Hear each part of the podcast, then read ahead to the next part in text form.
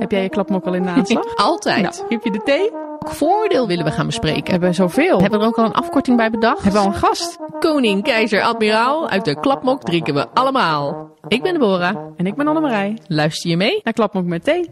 Hi. Hallo. Weer een nieuwe aflevering, Annemarij. Ja, een hele leuke. Ja, zeker. Nou, het zijn natuurlijk alleen maar leuke afleveringen. Ja, pff, precies. Ja. Maar deze is toch wel bijzonder leuk. Dit is een bijzondere aflevering. Ja. Waarom Want- vind je hem bijzonder leuk?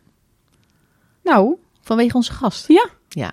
Ja, dat maakt het wel bijzondel speciaal. ja daar kom je niet zomaar. Nee, zeker niet. Nee. Hoewel, het was ook gewoon een kwestie van eh, mailen, Nou, appen. nou. een eh, berichtje via Instagram. ja, is voldoende. Hoe modern gaat het al tegenwoordig? Ja, ja, ja. Ja. Ja, ja, want dan kunnen de mensen wel heel lang in spanning laten. Hoewel mensen weten inmiddels al, als ze, als, ze, als ze aanzetten met wie we een gesprek hebben gehad. We gaan natuurlijk op bezoek bij de Stas. Ja, De, staatssecretaris. Ja. Zijn we in koor. Precies. Maar eh, ja, Ja, wij, eh, wij mochten weer eens naar Den Haag. ja, want heb jij eh, dat eh, filmpje gezien, Annemarij? Van de generatie D. Ja, de generatie Delta bedoel je? Ja, Ja, Die. nou, die. Die hebben we natuurlijk gezien. iedereen kan militair worden. Juist, juist. Iedereen komt erbij. Of je nou, hè, of je je Kom verloren bent, of je bent 55 plus. Ja. Iedereen lijkt wel binnen te kunnen komen. Of je bent een vrouw. Nou, nou, inderdaad. Dan mag je naar binnen, want het is. eh, het of je is, bent een eh, vrouw leuk. met een vrouw. Ja, ja, dat Ja, kan ook. Zit er ook in. Ja, ja, een kussende vrouw inderdaad. Ja, Ja, heel leuk. Ja. Ja, ja, heel benieuwd. eh, ja, maar goed, setting the scene, denk ik. Ehm, maar ja, wat, wat, wat willen we nu eigenlijk bereiken met dat, met dat filmpje? Waarom, waarom de generatie Delta? Ja, wat, Wat, moeten we ermee? wat moeten we ermee? Wat Ja. is het idee ja, daarachter? wat, wat, wat willen ze daar eigenlijk mee zeggen? Ja, ja, want het, is, het, is, het wijkt wel af van de stoere filmpjes, Annemarij. Ja, dat sowieso. Ja. ja. Dus daar moeten we het gewoon, eh, ja, gewoon rechtstreeks met de staatssecretaris eens over hebben. Juist, heeft tenslotte personeel in zijn portef- portefeuille, hè? Ja, zijn ding. Zijn ding. Dus wat wil hij daar nou mee? Wat, wat, is die, eh, wat heeft hij beoogd? Ja. Zullen we het eens aan hem gaan vragen? We gaan gewoon lekker luisteren. Komt-ie. Ja, hier zitten we met de staatssecretaris, Christophe van der Maat. Ja, bedankt dat we hier mochten zijn. Ja, tof dat jullie wilden komen. Ja, nou, heel gaaf. We vinden het altijd leuk om even in het pluche te mogen zitten. Is dit het plus? Dit is zeker het. Ja, Oké, check. Nou, welkom op plus. Ja, bedankt. En eh, we gaan het natuurlijk hebben over generatie Delta.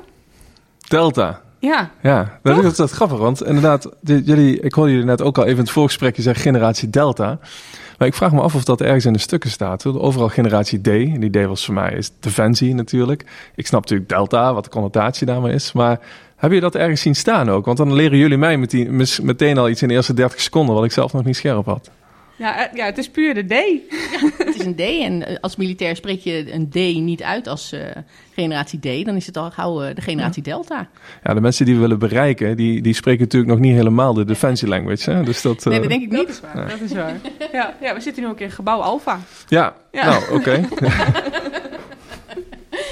Ja, zo leren we van elkaar. Dat is heel goed. Ja, ja. misschien moeten wij wat minder het NATO-spelalfabet gebruiken dan. Ja, dat zou ook kunnen. Maar dat brengt me natuurlijk wel gelijk op het, eh, op het filmpje. En want wij kijken natuurlijk met onze militaire blik naar dat, eh, naar dat filmpje. En eh, vandaar ook ons eh, vooroordeel bij, deze, bij deze podcast. Defensie legt de lat wel heel erg laag. Want kijken we naar het, het nieuwe sportje, dan zien we eigenlijk eh, dat iedereen die, eh, die er gevoel bij heeft, of die het gevoel kent, of, hè, die, eh, die komt bij Defensie. Maar is, is, dat, is dat het idee? Wat is het idee achter, het, eh, achter de generatie D? Het idee daarachter is dat we mensen eh, proberen te, te inspireren. En hen echt op, op, op het gebied van emotie te raken. in een split second, wat het zal zijn, 30, 45 seconden of zo. In een sfeerimpressie over wat, wat Defensie te bieden heeft. Dat is kameraadschap, dat is stretchen, het, is, het is de wereld zien. Is avontuur, eh, diversiteit van, van verschillende carrièreperspectieven die je kunt doorlopen.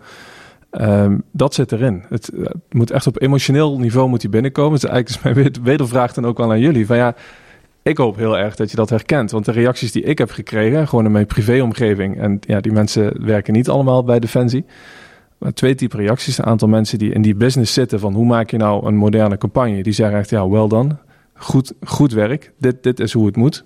Eh, dus daar was ik heel blij mee, want ik heb die mensen hoog zitten. En mensen die tegen mij zeggen van een gaaf spotje. Leuk, het, het deed iets met me. En puur dat effect, gewoon heel eventjes nadenken van... hé, hey, dat, dat, dat is een mooi beeld van de club waar ik wel onderdeel van zou willen zijn. Zo moet die binnenkomen. En dan vervolgens doorklikken natuurlijk. En dan, dan komen alle verdiepingslagen en, enzovoort, enzovoort, ja. Maar het raakte het jullie wel op een bepaalde manier dat je dacht van... ja, dat, dat, is, dat is wie we zijn, wie we willen uh, beogen uitstralen te zijn. Uh, deed het iets met jullie? Nou, bij mij in ieder geval wel. Uh, dat was ook de reden. wel heel bang dat je zei, nee, echt, dat is zo'n afknapper. Nee. Nee, nee, het was ook direct, toen ik hem voorbij zag komen, toen heb ik direct ook een bericht gestuurd van, kunnen we het hier dan een keer in een podcastaflevering over hebben? Dus het triggerde in die zin ook direct van, hey, dit is interessant om verder over te hebben. En ik vond het grote verschil, dat eigenlijk altijd reclamecampagnes gingen over militairen als een soort van helden. En dan uh, met een, uh, een, marinier die met een kind in de armen uit het water komt lopen. En, uh, ja, nou, zeg ook stoer. Maar... Ja. Ken je Heel belangrijk. Ja, ja. Nee, maar dus waar een beetje de, het, het bovenmenselijke wordt belicht, zeg maar. En ik weet dat er een keer een onderzoek naar is gedaan. En daar bleek ook eigenlijk uit dat uh, dat het heel weinig deed voor de werving, omdat mensen dan dachten: ja, maar Defensie, ja, dat kan ik helemaal niet. Ja. Want dan moet ik zulke extreme dingen kunnen. Ja, ik ben wel sportief en zo, maar nee, uh, um, dit, gaat, dit gaat veel te ver en dat is niet voor mij, want dat zou ik niet kunnen. Ja. Wat eigenlijk zonde is, want daar mis je dus heel veel mensen mee die het prima kunnen, maar die dan dat beetje dat, dat helden-idee zeg maar voor ogen hebben. De mensen denken nu wat gebeurt er allemaal, maar er wordt koffie op tafel gezet. Lekker hoor. Dat moet ook gebeuren. Dat is ook heel belangrijk. Dankjewel, Jochem. Maar, um, uh, maar dan terug naar die, uh, het vooroordeel. Leggen we ja. de lat laag? Nou ja, ik, ik mag hopen dat dat niet de, de afdronk is van dit spotje. Uh, sterker nog, we hebben natuurlijk heel veel mensen nodig. Echt duizenden. We hebben nu 4000 vacatures. En nou ja, met de defensienotenplannen gaat dat nog verdubbelen. Gewoon een hele forse groei. Uh, dat is een enorme opgave die voor ons ligt. Uh, en het, ja, het spotje betekent niet uh, er is voor iedereen plek. Nee, twee randvoorwaarden. Je moet heel erg gemotiveerd zijn om bij ons te komen. en je moet natuurlijk wel kwaliteit brengen. en um, dat, dat zijn twee randvoorwaarden waar we niet aan tornen. Maar tegelijkertijd is mijn allereerste probleem als staatssecretaris dat we te weinig mensen hebben. Ik zit nog niet in de luxe positie dat ik kan zeggen: Nou, er staan 10.000 mensen aan de poort en doe mij er 7.000. Nee, die luxe hebben we niet. Mm. Ja, maar het is natuurlijk ook niet alleen de mensen die komen. Want op zich um, denk ik ook met arbeidsvoorwaarden die, uh, die er een stuk beter uitzien. Dat gaat natuurlijk ook weer mensen trekken. Maar het is natuurlijk ook mensen die vertrekken. Dus het is niet alleen werving, maar ook behoud. En ik had zelf ook, als ik naar deze reclamecampagne kijk, had ik zelf veel meer het gevoel dat het zich ook richt op de mensen die al bij Defensie werken. In ieder geval, ik, had, ik kreeg daar persoonlijk wat meer gevoel bij. Het richt zich nu ook een keer op de gemiddelde militair. Uh, die dit gewoon misschien wel zijn hele leven doet, totdat hij met uh, leeftijdsontslag gaat, um, dat het zich daar ook meer op gericht heeft. Ja, het, ik denk zelfs dat als je een campagne maakt. Dus ik, ik weet niet hoe dat bij jullie werkt, maar ik zie soms van die reclames die als je dan heel erg agressief voorwaarts zijn van koop dit, dan is mijn eerste reactie ja, dacht het niet. Ga ik dus niet doen, weet je wel. Ik laat me sowieso niet via een spotje, laat ik mijn gedrag sturen en ik ga ineens een product kopen waar ik helemaal geen behoefte aan heb. Ja, dat is denk ik. ik wel. ja, dat, dat, dat, nou ja en, en die reclames die. Ik wil iets zeggen wat niet over de eten mag, maar super irritant zijn. Dat is dan de, de nette vorm. Daarvan denk je daarna van, ja, ze willen nu dat ik erover nadenk waarom het irritant is. En dan denk ik nog steeds over een product na. Maar deze, ik, ik vind deze gewoon gebalanceerd. Um, die mensen, uh, nou ja, nogmaals op identiteitsniveau aangeven wie we zijn, wat, wat we doen, maar latent wel. En mensen denk ik gewoon een goed gevoel geeft om bij te zijn. En ik hoop, nou dat meen ik dus net bij jullie te horen, ook een goed gevoel geeft over... hey, dit is mijn club, ik hoor hierbij en ik blijf hierbij en daar ben ik trots op. Uh, maar het, raakt ook wel, en dat is... Het gaat daar misschien over hoe gaan we die duizenden mensen aan ons binden. Daar zit denk ik ook nog wel een stap voor. Ik wil heel erg, en ik zoek daar naar allerlei uh, vormen voor... om Defensie gewoon veel natuurlijker, breder, beter verankerd te laten zijn in de samenleving. Hè, Defensie misschien ook wel vanuit de bezuinigingen en natuurlijk vanuit wat wij doen. Uh, een hoog hek, uh, teruggetrokken, top secret uh, enzovoort. Dus dat maakt niet meteen dat we overal zichtbaar zijn. Terwijl dat op heel veel plekken wel zijn. Um, en ik denk ook dat um, onze eerste nou ja, opdracht is natuurlijk gewoon een dijk van de krijgsmacht neerzetten die goed zijn werk doet. Maar ik vind dat we ook een rol hebben in gewoon überhaupt het vrede- en veiligheidsdebat. Het er is wel een reden waarom wij er zijn. En die reden is dat het niet vanzelfsprekend is dat je gewoon in vrijheid en veiligheid kunt leven in Nederland. En ik vind ook dat we daar weer een, ja, wat missiewerk te doen hebben. Want volgens mij zijn we afgelopen jaren ook wel een beetje te naïef geweest in de gedachte dat het allemaal maar vanzelfsprekend zo fijn en vrolijk en fijn in Nederland blijft. Nee, wij zijn echt noodzakelijk uh, en ook daar hebben we een rol voor. En daar slaat die identiteitscampagne ook wel een beetje op aan. Dus los van of je bij Defensie komt werken, dat je ook denkt van, oh, oh dat is wel een mo mooi club. Gewoon ma ma marktwaarde, gewoon PR. Eigenlijk een loyaliteitsprogramma. En um, een loyaliteitsprogramma, daar, daar kunnen we nog meer aan doen. Uh, gewoon om onze, onze marktwaarde, onze PR, onze like-factor uh, in Nederland breed nog hoger te maken dan die al is. Ja, nou, dat vind ik wel een, dat vind ik wel een hele mooie. Hè? Natuurlijk vind ik de campagne zoals die dan nu is gestart, hè, de Generatie D, uh, om hem dan maar even zo te noemen. uh, ja, vind ik, vind ik inderdaad een hele mooie. Hè? Je ziet inderdaad uh, niet meer de stoere verhalen, maar inderdaad de, de gewone mens die eigenlijk zijn taken uitvoert. En van allerlei pluimage, hè, dus heel divers. Nou, dat herken je natuurlijk ook terug in de verschillende eenheden. Misschien bij de een wat meer dan bij de ander, maar over het algemeen denk ik wel. Um, maar dat zichtbaar zijn in de, in de samenleving, dat vinden we allemaal heel erg lastig. Ik merk ook als, als militair zijn, hè, zoeken we dat ook altijd. Van, nou, hoe kunnen we dan zichtbaar zijn? en wat, wat is dan interessant? Het is altijd zo kortdurend. In de corona zijn we, hebben we heel veel ondersteuning geleverd hè, bij uh, ziekenhuizen, ja. uh, uh, nou, voedselbanken. voedselbanken. Kerkstraten. Juist, ik noem het voorbeelden te over. Ehm, maar het is nu wel een beetje voorbij. Is er nog wel corona eigenlijk? Ja, ja, we merken er niet zoveel meer van. Nee, nou ja, dat, de, deze woorden als je deze podcast... Ik hoop heel erg dat als we deze podcast en nou, het zal zijn november, december luisteren... dat we dan die denken, oh ja, weet je nog? Eh, dat ja. was die tijd dat iedereen... Uh, nou, we zitten hier op hoeveel? Nou, het is geen anderhalve meter, kan ik de mensen verzekeren. Ja. Um, uh, dus ik hoop heel erg dat we daar op dat punt weer niet heel erg nodig zijn. Maar even terug naar verbinding met de samenleving. Ik denk dat daar veel op te doen is. Ja. En um, dat, dat begint ermee, volgens mij die open dagen, corona, maar ook bezuinigingen. Ja, die moeten gewoon weer terugkomen. Uh, wat mij betreft. Uh, en regionaal. Want ik geloof er ook heel erg in dat wij decentraal ook als het dadelijk nog even over vacatures en dat soort dingen gaat. Ik denk dat we, als ik de analyse even heel plat sla en misschien te kort door de bocht ga, maar door de besparingen, uh, bezuinigingen jaar op jaar, dat, dat er ook wel echt een centralisatieslag heeft plaatsgevonden. En ja, mijn analyse is nu een beetje, ik ben hem nog aan het checken, dus dit is nog geen plan, mensen die dat, dat denken, maar het is gewoon even mijn hoofd leeg praten. Uh, ik denk dat op heel veel terreinen decentraler, regionaler uh, in de organisatie moeten gaan zitten. En dat um, verantwoordelijkheden en bevoegdheden ook uh, daar komen te liggen. Ik ga toevallig morgen ook weer naar, naar uh, Volkel, waar ze een proeftuin hebben. Um, en waar ze dus ook in slagen door juist heel lokaal en regionaal te organiseren, meer mensen aan zich te binden. Dat de lijnen korter zijn. Maar dat je dus ook beter ingebed bent. Ingebed met het onderwijsveld, met het bedrijfsleven. Uh, wat weer goed is voor uh, nou, überhaupt de verankering van, oh ja, Defensie is er en dan ken ik mensen en die doen dit en dat en zij doen dit voor ons en wij doen dat voor hun. Um, dus ik denk dat we daar echt een grote slag te slaan hebben. Ook als het gaat over gewoon inspiratie bieden voor jongeren onder de 17. Uh, voordat je die brief krijgt op je 17e, ja, denk ik dat het echt dik prima is als je een keer in het museum bent geweest van ons. Dat er een keer een veteraan voor de klas heeft gestaan. Dat, je, dat we een, een special draaien voor de scholen tijdens een open dag. Uh, nee, en dan zijn we nog niet bezig met werving van kindsoldaten. De, de, ik hoor de criticasters al. Nee, we zijn bezig met, met uh, ja, ook, ik bedoel, het Jeugdjournaal en Klokhuis, die besteden toch ook aandacht aan de oorlog van Oekraïne.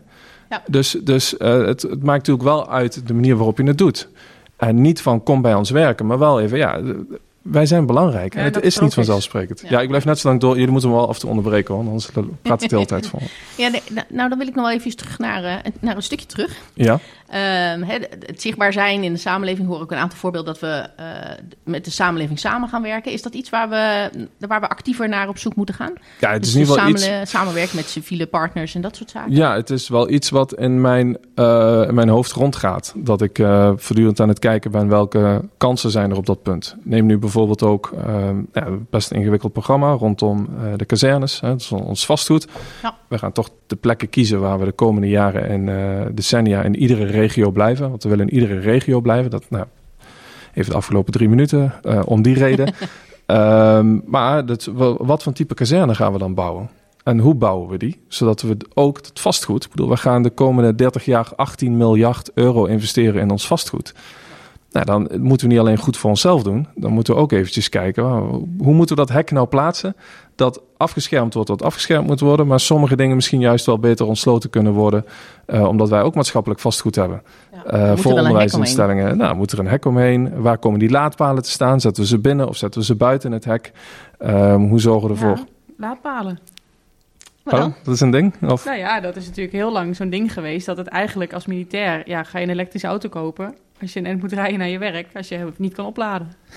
Ja, ja een no-brainer. Die moeten gewoon snel komen. Maar bouwen die alleen voor onze eigen mensen? Of als wij dus, uh, en dat, dat is meer met alle investeringen, alle ontwikkelingen die op ons afkomen, zit ik ook gewoon voortdurend te kijken van, ah, het moet goed zijn voor onszelf. Maar kan het ook nog goed zijn voor een ander, waardoor we tegelijkertijd weer aan, aan draagvlakvergroting in onze omgeving werken. En op het moment dat ik als staatssecretaris naar een regio mag om te zeggen dat we meer herrie gaan schoppen uh, in, in het luchtruim. Um, Sound of Freedom, ik weet het. Um, um, of dat wij uh, nou ja, stikstofruimte nodig hebben of whatever. Dan is het wel heel fijn dat ik al in een omgeving kom waarbij men ook weet dat wij over de volle breedte aan het nadenken zijn over hoe wij meer in samenspel met die omgeving zaken kunnen doen. Dus ja, die laadpaal, dat lijkt een heel klein ding van waarom begint hij over laadpalen. Maar het, het maakt wel gewoon verschil uit. Of die dingen ook beschikbaar zijn uh, voor de omwonenden of niet. Nou, en dat zijn gewoon dat als mindset. Tuurlijk, eerste plaats goed voor onszelf. Maar ik denk dat we met dezelfde investering ook goed voor een ander kunnen zijn. En daarmee stiekem ook weer een heel klein beetje goed voor onszelf. Ja, oké. Een win-win. Ja, ja, dat is eigenlijk wel de samenvatting. Ja. Zou ik het ook kunnen zeggen? nee, nee, zeker niet. Zeker niet. ja, maar er zijn ook best wel eenheden die um, hele goede banden hebben met, um, met bijvoorbeeld de burgemeester. Ja, nee, zeker. Uh, dat hoor ik overal. Ja, precies. De organisaties in de omgeving. En daar al best wel die samenwerking zoeken. En dan zie je ook dat dat eigenlijk heel goed werkt. Als die relatie goed is. En dat er dan... Um, inderdaad, als je dan een keer last van elkaar hebt... dan is het dan een heel ander gesprek... dan als je elkaar nooit spreekt. In mijn vorige job was ik daar ook echt van onder de indruk. Gedeputeerde in Brabant. Nou, Brabant echt een defensieprovincie. Bijna zeven jaar uh, actief geweest. Dus op verschillende plekken ook. Uh, Gilserijen, Eindhoven heel veel. Op andere plekken Woensdrecht.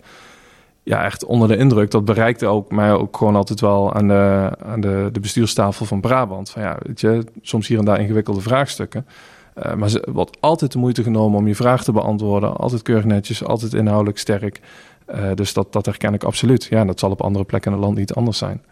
En tegelijkertijd zie ik nu dat er zoveel op ons afkomt. Gewoon ja, 40% eh, van ons budget erbij. Dus we gaan, we gaan echt groeien als een malle. Dus um, daar komen ook wel allerlei nieuwe vraagstukken bij... over hoe we dat ook op een goede manier willen doen... Uh, in samenspel met de omgeving. Ja, nu hebben we al, uh, nou, al, al een tijdje, eigenlijk sinds, uh, sinds de, de CDS-generaal... de eindbaas. De eindbaas, ja. We hebben even naar eh, Buitenhof gekeken. Ja, ik, heb, ik bedenk me altijd, als ik CDS zeg, dan, ja, dan weet, weten die 68.000 mensen van Defensie wel eh, wie en wat dat is. Zeker. Maar het wordt eindbasis voor heel veel mensen ook duidelijk. Dus ik dacht van, nou laat ik dat maar gebruiken. Ja. ja. Nou, dat, dat vinden we wel heel leuk dat u eh, de, de CDS de eindbaas vindt. Voor ons is dat natuurlijk de minister. Ja. Dus dat is wel grappig. Grappig. Ja. Ook weer zo'n dingen. Ja, ja, Nee, heel leuk, heel leuk. Maar um, ja, een voorgaande eindbaas heeft ooit gezegd... Uh, every soldier uh, a rifleman. Uh, hè, de, iedere militair is, uh, is, ja, moet het geweer kunnen hanteren, om maar zo te zeggen. Is dat, uh, even terugkomend op de generatie D... is dat dan iets wat blijft staan? Of is dat iets wat misschien wel eens herzien moet worden? Ook als we zien in het filmpje dat er bijvoorbeeld ook een. Uh, uh, we zien daar ook iemand tussen met het bijvoorbeeld zijn been kwijt is. Ja. Dus ja, als je het dan daarover hebt, hè, mensen die bijvoorbeeld iets hebben opgelopen, zijn er dan ook mensen die militair moeten kunnen blijven? Ja, ik zit in dubio, want ik vind het een hele goede vraag. En ik, ik heb een conceptantwoord in mijn hoofd. En ik noem dat zo omdat ik het. Uh, uh, nog, dat is de stand van zaken van mijn denken nu. Dus ik zeg het gewoon. uh, maar dat wil niet zeggen dat ik straks niet anders over denk. En ik weet ook niet wat ik lostrek, want ik weet dat het een hele, heel gevoelig punt is. Ik, ik denk dat dat niet per se zo hoeft te zijn. Uh, en dan kies ik het makkelijkste voorbeeld. Ik zou niet weten waarom iemand die onwijs goed is in afdeling cyber... waarom hij of zij ook nou ja, 2 minuten 20 over de stormbaan zou moeten kunnen. Ik zou het niet weten. En als ik de keuze heb um, tussen, uh, ik laat dat principe, ik, we laten dat principe los. En ik kan die meneer of mevrouw super cyber specialist binnenharken. Versus hij of zij moet wel 22 over de stormbaan. En ik kan meneer of mevrouw cyber niet verbinden aan Defensie. Ja, dan kies ik voor het eerste. We hebben niet de luxe. Ons eerste probleem is dat we te weinig mensen hebben. En fit for the job. Kijk, de, de is natuurlijk anderzijds wat niet gaat gebeuren, is dat die meneer of mevrouw, als je dat principe los zou laten, ineens wel vooraan in het veld staat. Nee, dus het schaalbare, uh, wendbare krijgsmacht betekent ook dat je opnieuw moet kijken naar dat soort principes. Dat denk ik wel. Ja, ja. wat, precies het voorbeeld waar we het eigenlijk onderweg al uh, over hadden gehad. Um, inderdaad, een, uh, een hacker bijvoorbeeld, die, die je toch inderdaad, of iemand, iemand die allerlei cyber um, dingen kan. Nou ja, dan zie je al automatisch iemand die op een zolderkamertje met een capuchon en met uh, in het donker en met lang haar. En, uh, uh, en inderdaad niet iemand waarvan je die misschien zich geroepen voelt om, om allemaal hele stoere militaire dingen te doen. Die wil hele stoere dingen achter de computer doen. Maar waarbij het dan misschien wel de meerwaarde is om diegene voor bepaalde inzet militair te maken omdat, dat, omdat ja. we dat nou eenmaal op die manier ook hebben ingericht. Ja. Um, zodat je iets meer met iemand kan dan als iemand als burgerambtenaar bijvoorbeeld bij de baas werkt. Ja, klopt. En we gaan, wat we bijvoorbeeld ook in de defensienoot hebben opgeschreven rondom reservisten, is dat we dus gaan onderzoeken, dat ik met een voorstel ga komen om ja, de, de groene knopreservist ook echt in het leven te gaan roepen. Dus nu, als je echt schaalbaar wil zijn, en op het moment dat het conflict erom vraagt, dat we gewoon um, niet van, goh, heb je wel of geen zin, ben je wel of niet met vakantie, komt het je uit, ja of nee, meneer en mevrouw de reservist, om mee te doen? Nee, naast de bestaande reservist, super blij mee met al die mensen die dat willen doen, en hebben we er nog veel meer van nodig. Maar moeten we ook kijken of we een categorie, categorie, categorie reservist kunnen maken.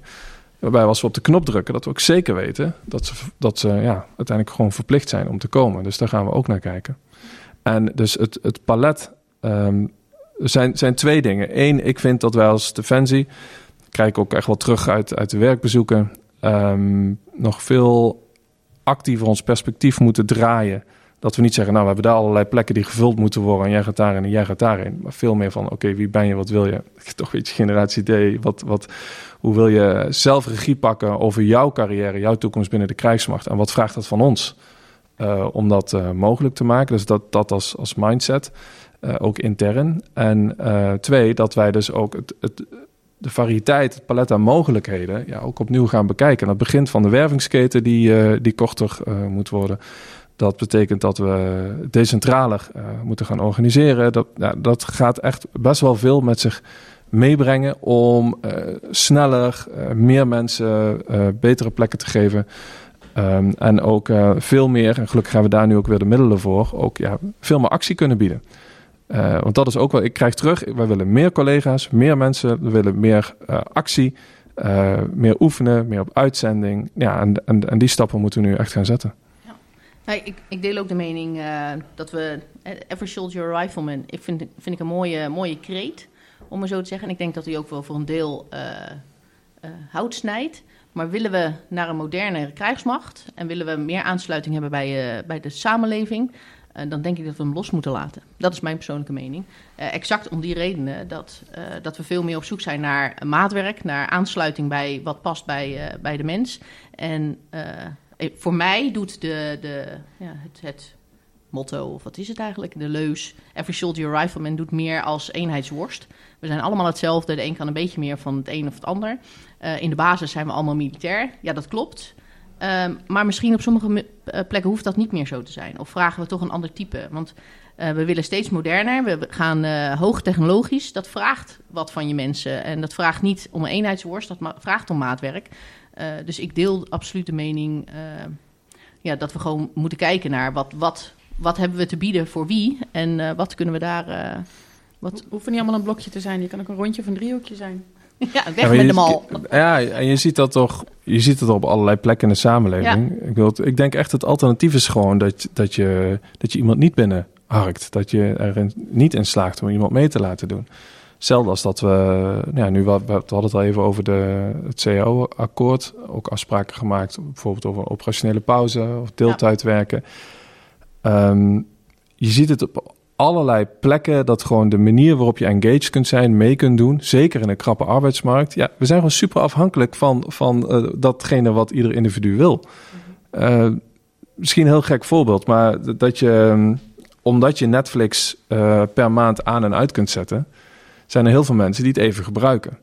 Weet je, dat was vroeger niet. Vroeger was zo, je moest minimaal een jaarabonnement nemen, een duur kastje kopen en whatever. Dus het, het hele gebruik um, uh, van, van hoe doe je even mee en dat soort dingen. En ik snap dat dat zich moeilijk verhoudt ten opzichte van ons, onze kernopdracht en hoe we plannen, programmeren, waar vandaan komen enzovoort. Maar we, ik zeg ook niet van ja, ik doe een maandje mee of niet. Maar ons denken van hoe kunnen we mensen verbinden? Hoe kunnen we iedere minuut energie die iemand in Defensie wil, wil stoppen, uh, uh, geactiveerd krijgen? Ja, dat, dat vraagt iets van hoe we ons doorontwikkelen en onze processen vormgeven. Ja ik, denk, maar ik denk dan een belangrijk iets wat we daarbij mee moeten nemen is uh, hè, dat je mensen tijdelijk ook aan je wil binden, maar dat ook de optie voor die mensen er is om voor een langere tijd uh, te blijven. Uh, want dan anders denk ik terug aan vroeger. Zeker.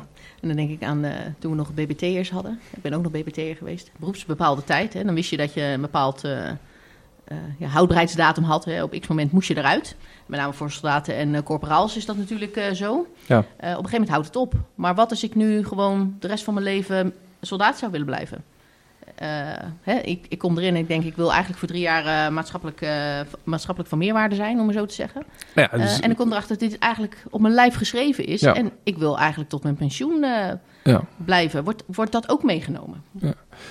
ja, ook hier moet ik even heel goed nadenken hoe ik, hoe ik antwoord. Want mijn, mijn oprechte inhoudelijke antwoord is, we moeten niet kwantitatief kijken, maar kwalitatief. Ja. Dus we, we, zetten, we stellen eisen aan een bepaalde job. Hetzelfde als, um, uh, ik weet niet eens of dat zo is, maar dat je boven een bepaalde leeftijd geen rijbewijs meer mag of, of vaker, uh, vaker uh, getest wordt of je rijbewijs mag houden of zo. Weet je wel, super pijnlijk als je ooit in die situatie komt. Maar dan zeg je ook niet, nou, vanaf je 72 moet je rijbewijs inleveren. Dan zeggen we, oké, laat maar zien dat je kunt rijden. Dus. Ja. En dat, dat, dat zou hier natuurlijk ook uh, zo zijn. Alleen dan krijg, komen waarschijnlijk bij uitvoeringsvragen, als we dat doen. Wat, we hebben nu al instructeurs uh, te weinig. We hebben al problemen om uh, op een hoogste tempo mensen binnen te laten komen en getest te krijgen enzovoort. Dus laat staan dat je dat ook. Maar dat zou mijn inhoudelijke antwoord zijn. Eigenlijk, in de ideale wereld, um, persoon voor persoon kijken. Ja, ben je fit voor de job of niet? Ja. Ja, fit um, voor de job vind ik wel een mooie. Mhm. En, uh, maar zo zit het, het systeem uh, nu niet in elkaar. We Nee. hebben wel nu wat afspraken gemaakt over, over eenmalig uh, verlenging, hè, ook in het, het CAO-akkoord. Um, ja, en ook hier zullen we over de volle breedte moeten kijken hoe wij um, hoe we ons moeten doorontwikkelen. Ja. Ja, ik heb nog even een vraagje over de schaalbaarheid en de groene knopreservist, waar we het Ja. net over hadden. We gaan toevallig nog een aflevering maken, ook volledig over reservisten. Oh, cool. En dan met name voor de Nationale Reserve. Ehm, wat ik dan wel een interessante vind, van hoe gaan we als organisatie dan ook de, de werkgevers bereid vinden om die groene knopreservisten de gelegenheid te stellen om dan eh, te verschijnen? Ja, nou ja, dat is, het is, um, je moet twee dingen regelen inderdaad. Eén, de verplichting die je dan hebt uh, naar de, of de, de verplichting die de militair heeft naar ons. Ja, wij moeten natuurlijk ook regelen uh, welke vergoeding krijgt die uh, werkgever dan. Dat is natuurlijk ook de, de, de reservist, de militair, maar ook de werkgever. En je zult moeten regelen dat het dus een, een um, dat een werkgever dus ook niet iemand die reservist wil worden mag weigeren. Dus dat is razend complex. Ik heb ook aangegeven intern, ik weet niet of het gaat lukken, uh, maar ik ga er wel voor, voor, voor strijden om het voor elkaar te krijgen. Dus hoe precies weet ik niet. Maar een andere bijvoorbeeld ook die ik rondom reservisten uh, interessant vind. Want die moet je dan eigenlijk wat doorkoppelen. Dus oké, ik, uh, ik wil ergens werken. Werkgever mag en, en reservist worden. Dus nou, dat, dat is nogal wat volgens die, die formule. Werkgever mag niet zeggen, nou dan hoef ik je niet. Um, medewerker moet opkomen. Maar wat ik ook wel tegen die werkgever zou willen zeggen. Uh, jij moet bij aanbestedingen bijvoorbeeld aan je SRO, SROI, Social Return on Investment, uh, uh, doen.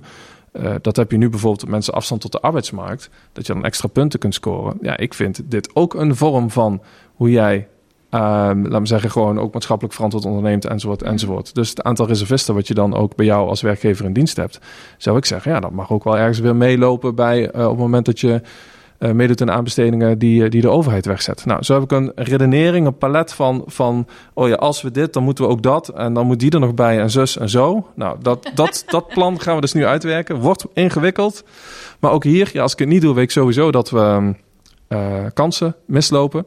Ja, en als we het wel doen en het lukt uiteindelijk niet, nou, dan hebben we het in ieder geval geprobeerd. Ja. Ja, interessant. Ja, maatschappelijk verantwoord ondernemen. Ja.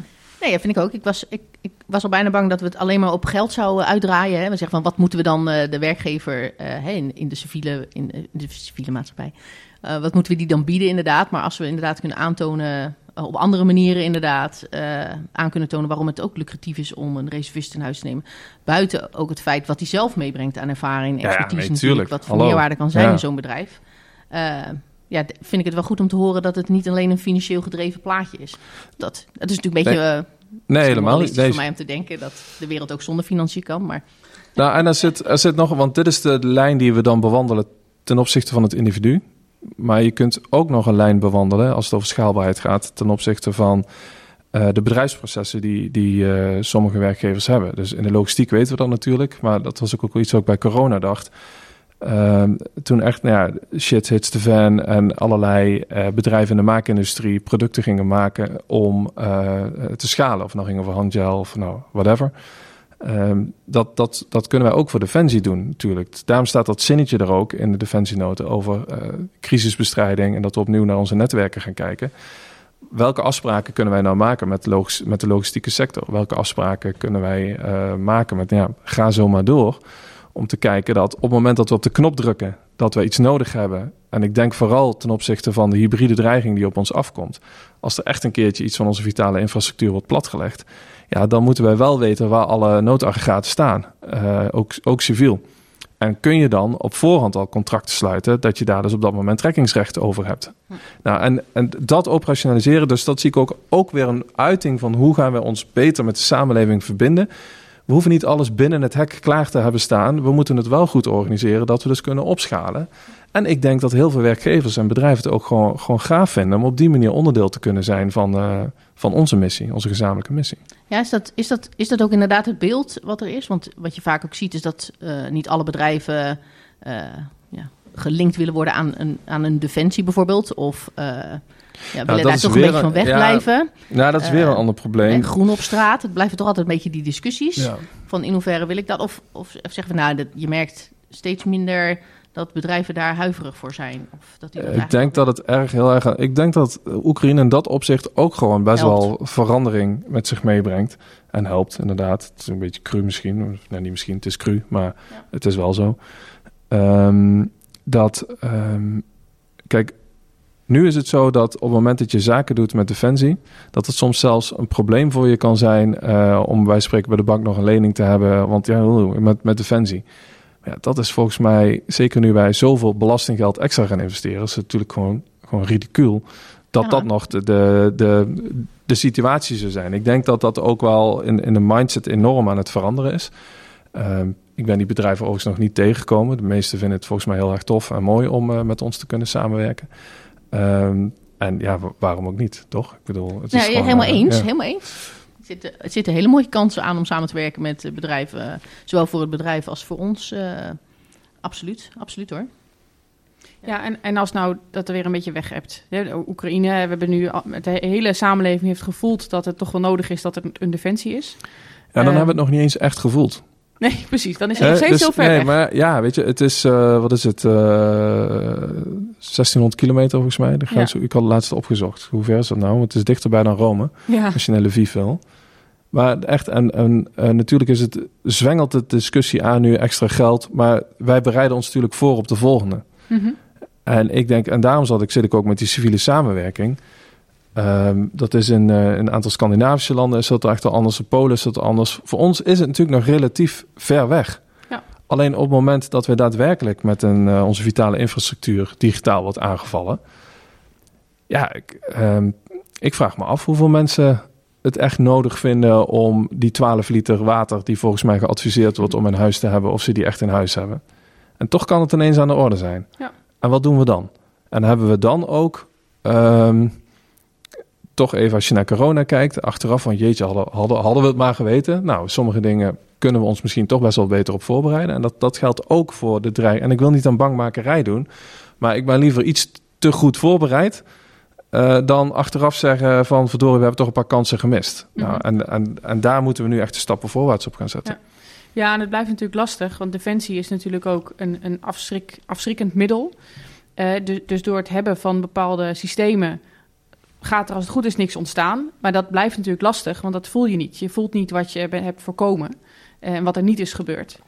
Um, uh, maar hoe gaan we nou ook op de lange termijn, ook als we hebben nu uh, toch een hele lange tijd, hebben we in ieder journaal en in ieder nieuwsprogramma of uh, talkshow hebben we iets gehoord over uh, de situatie in, in Oekraïne en wat het allemaal voor gevolgen heeft. En hebben er heel veel militairen ook hebben op tv gezien, dus ineens is het echt hot. Ja, wordt al minder. Dat, precies, dat zien we alweer heel veel minder worden. En nou, dat is ook logisch, hè, want we weten dat het altijd zo gaat. Dus hoe houden we nou dat, dat de, ja, eigenlijk duurzaam dat de samenleving dat belang van de krijgsmacht ziet? Ja, voor mij is dat um, eigenlijk ook een beetje waar we het net over hadden. Um, we, twee dingen. Eén, dat wij nu gewoon de plannen zoals we die ook in de defensienota hebben staan, dat we die gewoon op het, hoogste tempo um, gerealiseerd krijgen. En twee, ik denk dat wij onderdeel van die plannen is, waar we net over hadden, dus veel beter verbinden met de samenleving. Of dat nou de kazerne van de toekomst is, of de verbinding met scholen onder 17 jaar, enzovoort, enzovoort. Contracten met, met, uh, met de uh, private sector, op alle, nou, enzovoort. Um, dat hebben we te doen. Maar wat we denk ik ook nog wel iets meer zouden kunnen doen, is dat we ja, iets, iets minder terughoudend worden in ja, toch ook communiceren wat we doen. Um, de, nou, bij Buitenhof, daar hadden jullie het straks over. Ik had inderdaad aan, uh, aan Onno Eigelsheim, onze commandant der strijdkrachten, beter bekend als CDS. um, Eindbaas. Eindbaas. Uh, vroeg ik van, do, doen we nou dus een paar voorbeelden? Ja, en dan heb je inderdaad uh, onze club uit uh, Vught, de, de chemische club, die is ook gewoon in actie gekomen. Ja. De club rondom de drones zijn ook gewoon in actie gekomen. Maar dat weten de mensen niet. En we lopen ook nooit zo te, te koketteren met kijkers hoe goed we zijn. Um, ja, misschien mogen we dat wel ietsjes meer doen. En moeten we wel wat meer um, uh, letterlijk in beeld komen. Ja. Uh, om meer aan te aan, geven. Uh, personal branding gaan doen. Zeker, ja. Als organisatie. Nou ja, en als we dus materieel, dat was het voorbeeld wat ik hier op in week 1 hoorde. Uh, als wij groot materieel vanuit Rotterdam naar het achterland moeten uh, uh, verplaatsen, dat we dat ja, bij voorkeur s s'nachts doen, want dan vallen we er niemand mee lastig. Ja, doe het maar gewoon overdag. Ja. En dan zie je ook dat heel veel mensen dat heel erg mooi vinden, volgens mij. Die kijken de ogen uit. Oh, ik denk zeker dat dat dagjes mensen gaat trekken Ja. hoor. Dat is een beetje Ja. de, de vliegtuigspotter, maar dan, maar dan langs de weg, absoluut. Ja, ik, ik, ik vind het wel een mooie. We hadden het net eventjes over het voorbeeld hè, van de Scandinavische landen en het, uh, het hebben van een 7, uh, 72 uur pakket in huis. Hè, want dat is een beetje wat, wat, wat daar natuurlijk staat. Hè. Zorg dat je de eerste 72 uur zelfredzaam bent. Ja, Ehm, voordat je moet terugvallen op, eh, ja, op, op, op, op de maatschappij, om maar zo te zeggen. Ehm, maar daar hebben ze natuurlijk ook een hele andere eh, opvatting van hoe ze dat helemaal ingeregeld hebben. Hè. Dan kom je richting de whole of society eh, approach. Zegt u dat wat? nee. Nee. Ik hoop dat je mijn uh, definitie gaat geven nu. Nou, een definitie, dat uh, wil ik even van Kom maar, wegblijven. Een uitleg. Ja, Een maar ik ga het zeker uitleggen. Ja? Uh, nee, wat, wat, wat ze daar doen is, is dat, uh, dat defensie bijvoorbeeld is een onderdeel van, Ja. van de society. Uh, Ja. hè, de, de hele overheid. Uh, net zoals nu, wij hebben natuurlijk uh, hè, onze eigen politiek, maar dat is, die zit in hun eigen kamer. Uh, in de eigen bubbel. Nou, exact. Maar de whole society approach is dat al die bubbels elkaar gaan vinden. Hè? Ja, Uh, de- Holistisch. eh, Juist, de instituten, de kennisinstituten, het bedrijfsleven. eh, we Ja. maken het probleem. Niet het probleem van defensie of het probleem van eh, de ministers of het probleem van de bedrijven, maar we maken het ons probleem. Eh, waardoor we allemaal onderdeel zijn van het probleem. We gaan ook allemaal nadenken over dat probleem. Ehm, waardoor, het, eh, wa- waardoor we het met z'n allen aanpakken. En waardoor we ook met z'n allen die noodzaak voelen. En waardoor we met z'n allen roepen: nee, dat doen we overdag. En weet je wat? Ik lever zoveel voertuigen eh, voor jou extra om, eh, om dat aan te leveren. En joh, ik heb een studie gedaan, planologie, en we moeten linksaf in plaats van rechtsaf. Ik noem maar even wat. Hè? Ja. Maar bewijs van. Maar iedereen voelt zich genoodzaakt om, om de uitdaging die we hebben als, als land. Eh, met z'n allen op te pakken. En dat is zeg maar de whole of society approach. Dus niet alleen. ja, ik ben voor. Ja? Ja, Nou, dat is mooi. ja. Dan gaan we, laten we beginnen. Nee, en dan terug naar, naar generatie D. Juist. Eh, want dat, eh, voor mij is generatie D ook, ook, ook dat idee. Hè? Ja. Zonder dat je het. ehm, zonder dat je doorhebt wanneer, jou, wanneer jij jouw bijdrage kunt leveren, in welke vorm dan ook. Ja. Dat je wel op, op, op gevoelsniveau, op, op emotioneel niveau, die betrokkenheid voelt. Ja. En, en ik heb ook allemaal burgerschap, weet ik veel wat. Weet je, allemaal van dat soort uh, woorden waar je heel lang over kunt ouwehoeren. Maar um, bij erbij als het nodig is. Ja. En um, doe, doe, je, doe je wat je wel kunt doen. Heel veel kan niet, snap ik allemaal, maar, maar wat kan wel? Hè? De, de, wat kan wel mentaliteit. Um, en ook gewoon het basisidee. Ik, ik ben opgegroeid in Noord-Limburg, jaren 90. Uh, overstromingen, vosoverstromingen. En dan is het wel gewoon de vraag: sta je daar te helpen die zandzakken te vullen of niet? Ja. ja. ja. En wat heb je dan in je schuur liggen om ervoor te zorgen dat je, dat je gewoon toch even iets sneller kunt gaan? Ja. Uh, en en uh, zorg je ervoor dat niet het zandzakje eerst al voor jou op... heb je toch geen donder aan, want dat water... Hè? Dus je moet samenwerken. Maar die, die mentaliteit, ja, absoluut. Ja. Um, ik denk ook wel dat hij er is hoor. Alleen... Natuurlijk is hij er. We moeten ook niet allemaal uh, zelfpijniging nee. gaan doen. Dat, dat het nee, maar we weten, niet, we weten niet hoe en we weten niet waar we moeten aankloppen. Hè. Ik vind het wel even een leuk brugje naar mijn kapper. Ik heb, ja, ja, ik ben toevallig niet afgelopen zaterdag naar de kapper geweest. Maar als ik bij de kapper zit, dan krijg je altijd... Oh, en uh, doet u dan een werken? Ja, ja, ik werk bij Defensie. Oh, leuk. Nou, dat vinden ze allemaal zo leuk. Hadden ze allemaal zo graag een keer willen doen. Maar ja, ze is kapper. Dus ja, wat, wat dan, ja, dan kun je eigenlijk niks bij Defensie. En dan probeer ik ook altijd de discussie uit. Van mij, er is genoeg wat je kan doen uh, bij Defensie. Uh, je bent nu wel misschien kapper. En een kapper hebben we misschien niet direct nodig. Hoewel het toch fijn is als we regelmatig ons haar geknipt hebben. Maar uh, je, je kan inderdaad een bijdrage leveren. Want iedereen kan een zandzak vullen. Of iedereen kan ergens een bijdrage leveren. Al is het maar dat je meedenkt. Of al is het maar dat je een helpende hand biedt op het moment dat er nood is. Uh, ja. hè, dat je even klaar staat voor iemand. Uh, ja, wat ik wel spannend vind. Om... Wat ik wel spannend vind is dat. Um, de dreiging van overmorgen, ja. die, die hybride dreiging. Weet je, dat. Iedereen denkt natuurlijk met dreigingen vallen bommen op ons land. Uh, maar die dreiging kan ook zijn dat een waterschap wordt gehackt en de sluizen worden opengezet. Exact. En um, of dat uh, de elektriciteitsvoorziening onderuit gaat. Uh, of dat de, de, de verkeersstoren van Schiphol wordt, wordt gehackt of whatever, weet je. Dat, dat, um, en dat kan door een statelijke en een niet-statelijke actor gebeuren. Dus ik denk dat ook de, de onvoorspelbaarheid da daarin gaat toenemen. En dat is ook de weerbaarheid van. Dat, dat is het gaat om een, een common sense of, of weerbaar zijn met elkaar. Uh, ons voorbereiden op dingen waarvan we dachten. Oh, dagelijks. Ik kreeg op commentaar dat ik het woord dagdagelijks gebruikte. ik. Dat we dagelijks. Um, um, allerlei vanzelfsprekendheden hebben waar er zomaar eentje onderuit getrokken kan worden. Dat we ons daarop voorbereiden en dat we dan in staat zijn om uh, snel ons, onszelf te helpen. Ja. Nou, en dan helpt zo'n whole of society approach. Als je het gevoel hebt dat we er allemaal van zijn. Dat als nu uh, de sluizen open gaan, dan denk ik, oh, dat is van waterschap. Ja. Los maar op. Nee, maar wat kun je bijdragen? Is. Juist, ja, maar precies. dat is niet de mindset. Uh, zijn ja. we misschien te nuchter als Nederlander? Want het gebeurt ons toch niet? Ik denk dat we een beetje verwend zijn. Dat denk ik ook. ja. Met z'n allen. Ja. Ja. Het komt allemaal wel goed. Het wordt allemaal wel geregeld. En, ja, er zijn altijd mensen ja. die dat wel voor me regelen. Ja. ja.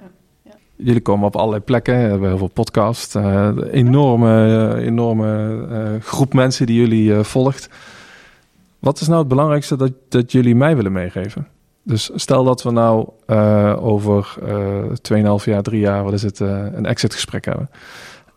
jullie met mij. Hè, het is nou Stas, dankjewel. Houden we bedankt. Um, maar we hadden afgesproken vandaag dat je wel hierop zou leveren. Wat, wat is dat dan voor jullie? Ja, even on the spot. Ja, precies. Precies. Er gaat natuurlijk van alles uh, door mijn hoofd. Hè. Is, het iets, uh, is het iets op personeelsgebied? Wil ik, uh, wil ik iets op vastgoed? Wat, wat vind ik interessant? Waar denken jullie dat de krijgsmacht het Juist. meest mee geholpen is dat ik me daar hard voor ga maken? Wat zou dat zijn? Nou, kijk, we hebben het in, wat, waar we mee begonnen. Ik heb natuurlijk gekeken naar die uh, uitzending van Buitenhof van zondag. En ik heb ook gezien wat dat uh, voor reacties dan op LinkedIn, bijvoorbeeld van uh, collega's, wat het dan oplevert. En um, wat ik dan wel heel grappig vind, en ook weer heel interessant en ook weer heel logisch, want zo werkt het ook. tijdens de uitzending ging het heel erg over het belang van het vastgoed en de werkomstandigheden. En daar heb ik me, dat, wij in de HDV zaten in de opleiding, heb ik me daar anderhalf jaar heel erg druk om gemaakt. Want dan hadden we bijvoorbeeld een presentatie van iemand.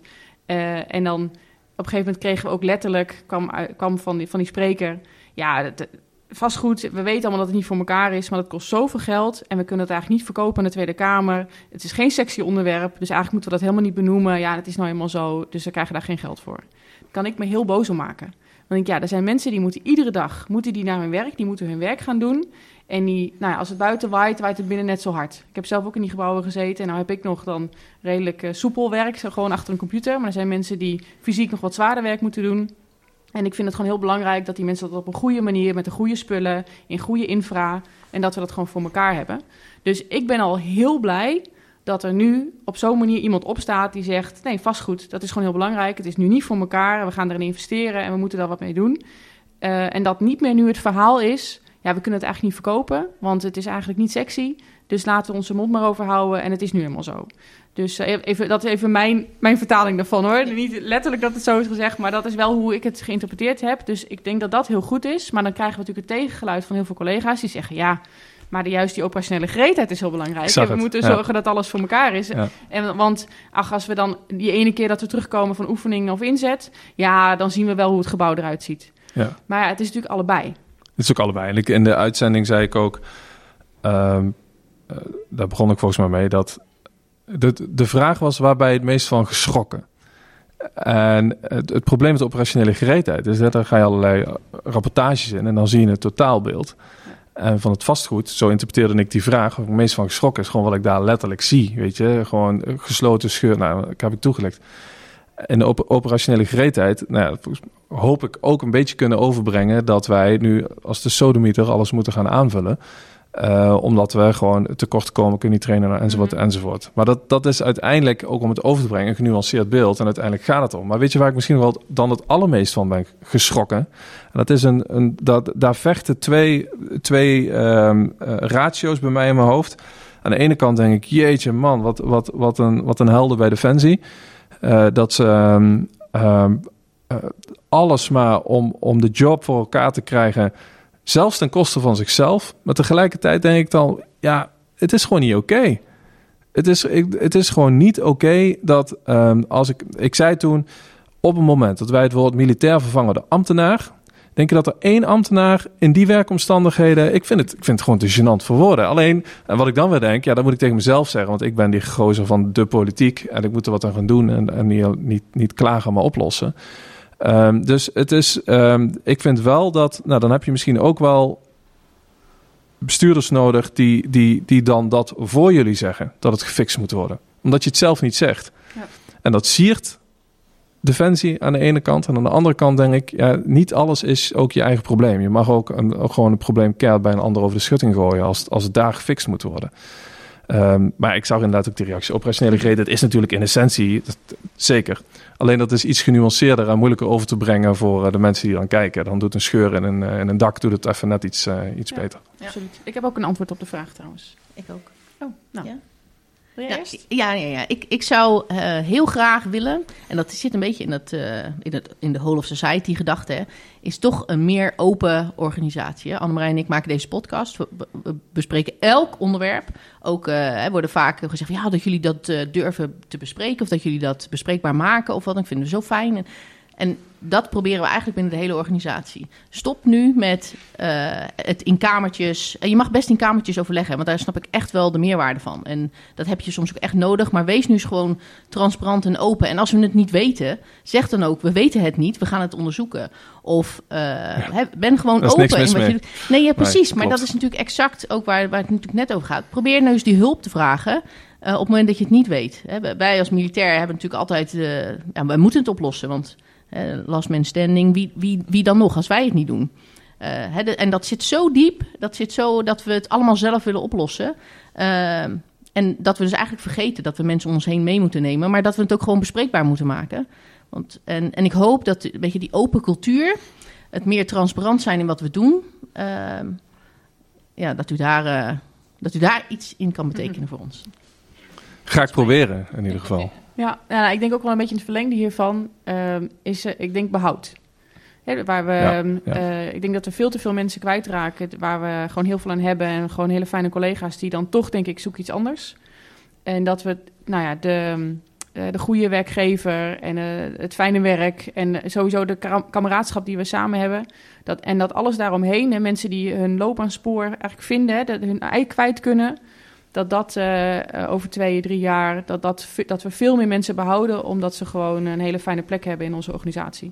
Omdat alle, alle randvoorwaarden voor elkaar zijn. Ja. En, ehm, nou, en die open cultuur, dat is daar natuurlijk onderdeel van. Ja, ja, en dat, ja, en dat maatwerk. Nu hebben, nu hebben we een hele waslijst inmiddels, hè, met eh, wat we allemaal willen. Ja, nee, maar wat, nog één op. Maar ik vind op dit moment de start die nu gemaakt is met het, met, de, met het, ja, het onderhandelaarsakkoord, als we het zo moeten neerleggen. Het onderhandelaarsvoorstel, zo moesten we het noemen. Ehm, wat er nu ligt, eh, dat biedt al zoveel ruimte voor maatwerk. Dat denkt al met mij mee. Eh, ik als militair, eh, ik, ik heb het idee dat ik denk, hé, hey, hier kan ik wat mee. Het gaat niet om werven, het gaat niet om het mensen binnenhalen. Het gaat ook echt om mensen die hier al werken, die, worden, die worden gezien. En ik krijg daar een keuzeruimte in. En dat is wat ik, dat is wat ik wil. Ik wil niet altijd, eh, ik, wil, ik, ik wil niet altijd hetzelfde. Het ligt een beetje aan de levensfase waarin ik zit. Ja. Als, ik nu tijd, als ik nu geld heel belangrijk vind, dan vind ik het fijn als ik heel veel geld erbij krijg. Eh, maar als ik dat ook kan omzetten in eh, vrije tijd of in wat dan ook, dan vind ik dat ook heel fijn. Omdat ik daar op dit moment misschien in mijn levensfase meer behoefte aan heb. En je merkt met het onderhandelingsakkoord wat er nu ligt, dat daar een basis ligt. Eerste Waarop, stappen. Juist, waarop eerste stappen zijn gemaakt. En ik het gevoel krijg eh, ja, dat dat maatwerk dat dat gaat komen. En ik, heb, ik denk dat dat inderdaad nodig is om naar een moderne krijgsmacht eh, te kunnen gaan. Eh, ja, daar zijn de eerste stappen al in gezet. En ik hoop dat u er nog veel meer kan zetten. Ik ga in ieder geval heel erg mijn best doen. En ehm, laten, we, laten we afrekenen over, over een jaar of drie. Want dat is voor mezelf ook wel een soort milestone. Er zijn veel dingen waarvan ik denk, daar kunnen we nog verbeteringen op, op realiseren. Maar dus, ik weet ook dat er een aantal best wel taai en langjarig gaan zijn. Eh, maar goed, dan is het volhouden. En eh, door vooral heel erg goed nou, ook te blijven vragen, dus ook dank aan jullie. eh, van waar zit het nou? Want de, de hoogoveranalyses, die, ja, die hebben we snel gemaakt. Maar vervolgens ook helemaal hoe dan? Waar gaan we dan een aantal knoppen omzetten? Of misschien zelfs wel gewoon knoppen van het dashboard afslopen. zodat er gewoon minder red tape is en we gewoon meer tempo kunnen maken. Nou, ik denk dat het hele mooie woorden zijn. Dan willen we u van harte bedanken voor het, voor het gesprek. Dankjewel, graag gedaan. En eh, tot over drie jaar dan. Doen we, deal. Ja, die generatie Delta. ja, Dat wel was even een dingetje. ja, ja, nou, nogal, nogal. Een soort van eh, nou, spraakverwarring eh, tussen burgers en militairen. Ja, Kan je dat zo sowieso. sowieso. ja, ja. Er is wel een, een delta in het plan. ja. Ja, precies. De, zijn militairen de Delta? Juist, Ja, in dit, eh, in dit verhaal. ja. Of zoeken we mensen voor de Delta?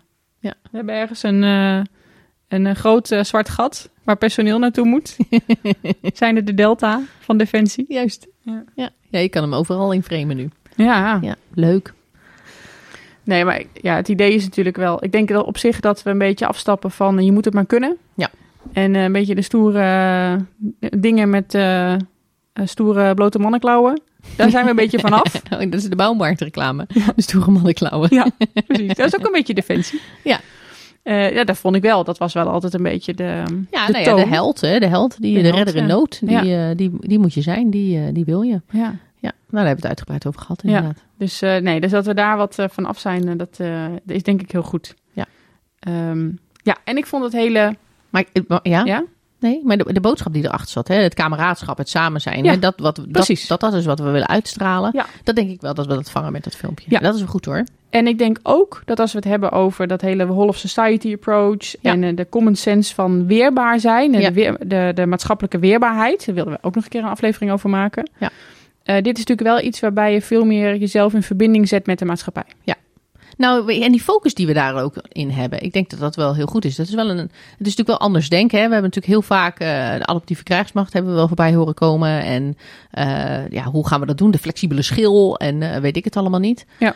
Maar ik denk dat als je mindset is dat we het met z'n allen moeten doen. En dat, we het op, hè, dat we op die manier gaan groeien en toekomstvast gaan worden. Ja. Hè, dus niet alleen in onszelf gekeerd blijven als defensie, maar meer naar buiten toe. Mhm. Ehm, of beide misschien wel. Ik denk dat, ik denk dat het wel belangrijk is. Ja. ja. Ik weet nog niet hoe we het moeten gaan doen. En waar we het allemaal kunnen doen. Maar ik denk dat als je die mindset hebt, dat dat misschien zichzelf wel gaat invullen. Misschien. Ja. ja, zou kunnen. Ja, maar, je moet, ja het, maar een heleboel zit inderdaad ook in hoe je je dan presenteert. En Ja. hoe je je... Hoe benaderbaar ben je? Ja, hoe open zijn we? Ja, hoe transparant? Ja. Dat is ook wel een heel interessant onderwerp. Want we vinden onszelf transparant. We moeten het we- wel doen, maar dat zijn, we natuurlijk niet, echt. niet, altijd. Nee, Nee. We zijn, blijven toch een gesloten organisatie. Dat denk ik wel. Ja. ja. Absoluut. Nee, maar goed, er is een stap Om dus gezet. even na te denken. Ja, nee, mooi. Ja, nee, dat, dat, hoort er ook bij. Gaat weer op gang. Ja, ik vond ook die laatste vraag van waar willen, wat willen we zien dat eh, dat over drie jaar bereikt is. Ja. En die was natuurlijk even een verrassing. ja, nou ja, absoluut. Absoluut. Nou, wel leuk. Even, het was natuurlijk even onder spot, maar ehm, ehm, nou, wel goed om gewoon even, oké, maar wat, ehm, waar kunnen we hem op aanspreken over Juist. een paar jaar? Ja, nou, ik ben benieuwd. Over drie jaar eh, staat eh, de uitnodiging Ze- ja, vast. Dan gaan we even dan gaan we een nog een resume keer. doen. Ja, ja. blijven, we zo lang, blijven we zo lang podcasten? Dan maken we een specialtje tegen die tijd. Oh ja, Als het niet zo lang Ja. duurt. Ja. Maar we gaan het wel zien. Ja, inderdaad. Ja. Oké. Zijn er nog andere dingen die jij nog wil zeggen? Nee. Nee, eigenlijk niet. Heb je een vraag? Wil je iets weten? Vind je ergens iets van? Mail ons gerust op klakmok, klapmok met thee. Klak, klak, klak, klak. Hoe heet hem ook Klapmok- alweer? Ja, klapmok met thee.mindef.nl Of laat een berichtje achter op onze Instagram-account. Ja, en, ook met en volg ons op Instagram. Sowieso. En eh, geef ons eh, sterren in, eh, in je favoriete podcast-app. Oeh, Ja, want ik hoor altijd in andere podcasts... en dan zijn we beter vindbaar voor anderen. oh, heerlijk. Ja, mooi hè? Nou, bij deze. Ja, ik wil dat ook een keer gezegd hebben. Ja, heel goed gedaan. Ja. En we staan ook op Podimo. Podimo. Ja, ja. Ja. Dus maar eh, jullie kunnen ons op iedere podcast Ik wou zeggen, gewoon waarom lekker zou je naar hoor. Podimo gaan als je... Ja, nou, als je daar toch al op zit... Ja, dat zou kunnen. Ja, dat is natuurlijk wel leuk. Dat je dan gewoon in één speler kan blijven. En dat je Ja. dan daar alles kan luisteren wat je leuk vindt. Ja. Dus ehm, ja, nee, doe dat vooral. Ja. Eh, en eh, we hebben natuurlijk bijna zomerverlof. Ja. Ik denk dat we nog één aflevering krijgen na deze. En dan Ja. eh, hebben we even zomerstop. Ja. Dus daar kijken we ook lekker naar uit. Nou, inderdaad. Leuk. Gaat helemaal goed komen. Ja. Dus eh, nee, we hebben genoeg eh, plannen en ideeën nog. En, eh, en jullie hebben in de afgelopen tijd ook heel veel aan, dingetjes aangedragen. Ja. Dus dat is ook heel leuk. Nou, ik denk genoeg luisterplezier voor een zomer lang. En na de zomer gewoon weer door. Nou, tot de volgende keer. Tot de volgende keer.